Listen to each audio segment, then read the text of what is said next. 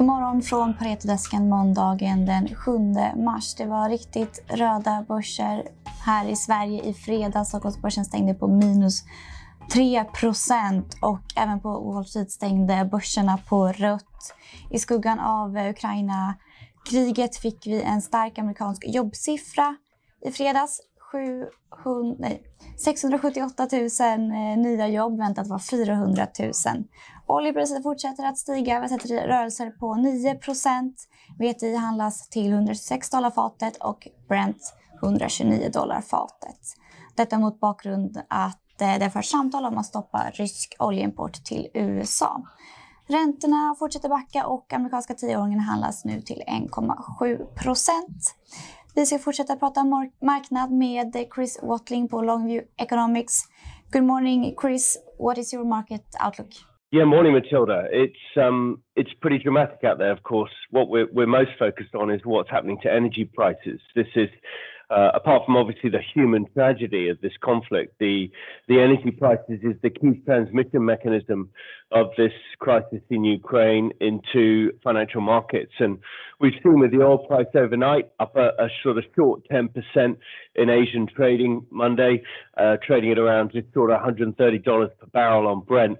Uh, that's clearly having an impact on markets, and, and overnight Asian mar- equity markets have been poor and the US futures have been off and so on. So, yeah, it's uh, it's troubling. We're all eyes really on how this conflict evolves and how it evolves and develops in terms of energy prices. And over the weekend, we've had some discussion from um, the US authorities about sanctioning Russian oil.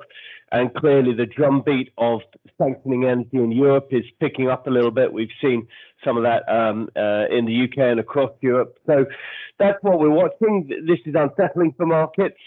Um, last week, you're seeing Europe closed at, at a new multi-week low, and I suspect it'll open in quite troubling territory as well. So we're very focused on that situation and how it's playing, how Ukraine Russia is playing into out into the energy complex uh, this week. I think that's going to be a real a, a big focus one other thing worth mentioning overnight, you know, um, over the weekend, the Chinese signal they're going to do monetary, more monetary policy easing, which is very encouraging from that perspective.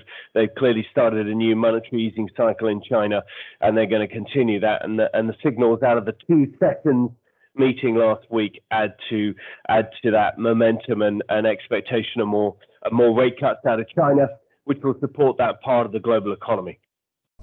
Thank you Chris. Och eh, på Paretos morgonmöte idag, Stefan, har vi pratat både VNV och Kinnevik. Mm. Vad, eh, kan du ge oss en uppdatering hur det ser ut där? Ja, eh, båda aktierna har ju varit pressade, men särskilt VNV som vi lyfter fram och mer detaljerad form eh, diskuterar eh, Rysslandsexponeringen i VNVs eh, portfölj som vi tror att marknaden överdriver.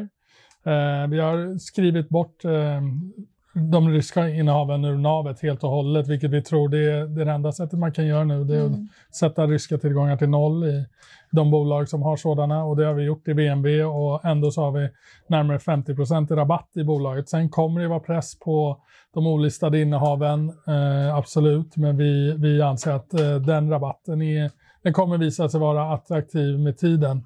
Sen måste man ju vara noga med att i, i närtid så finns det inga liksom väldigt eh, låg sannolikhet för några eh, positiva triggers i aktien. Mm. Utan det är bara en ren fundamental syn på vad de här olika tillgångarna som man har investerat i, vad de kan ha för potential på längre sikt. Och som i många kriser när, när eh, Eh, Eh, aktier blir hårt pressade så, så finns det möjligheter och vi ser att VNB är en sådan möjlighet. Sen kontrasterar vi det lite mot Kinnevik som också har haft det tufft. Då, och där finns det en större andel listade innehav, ungefär hälften av navet är listat. Och eh, Teladoc GFG framförallt som har ganska mycket rysk exponering har ju gått eh, exceptionellt svagt medan eh, Tele2 har hållit emot.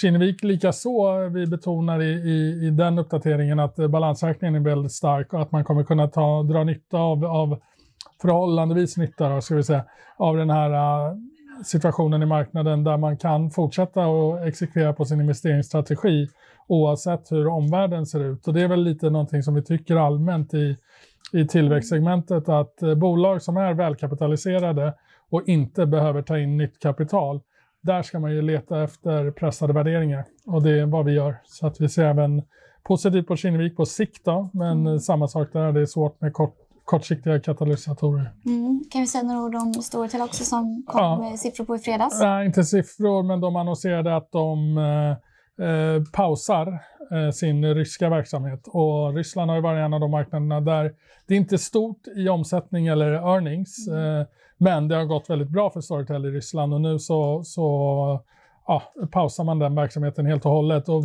samma sak där, man får ta bort den ur ekvationen i Storytel, vilket kommer vara, eh, man tappar lite tillväxtmotor där. Sen har ju den aktien haft en sån väldigt svag utveckling redan innan vi gick in i den här Ukraina-krisen, så vi behöver liksom inte göra några jättestora förändringar i den fundamentala synen, men på marginalen negativt. Då. Mm. Det fortsätter att vara tufft på börsen. Ja, blod. Mm. blodigt. Mm. Tack så mycket Stefan. Tack. Tack så mycket, ha en bra måndag.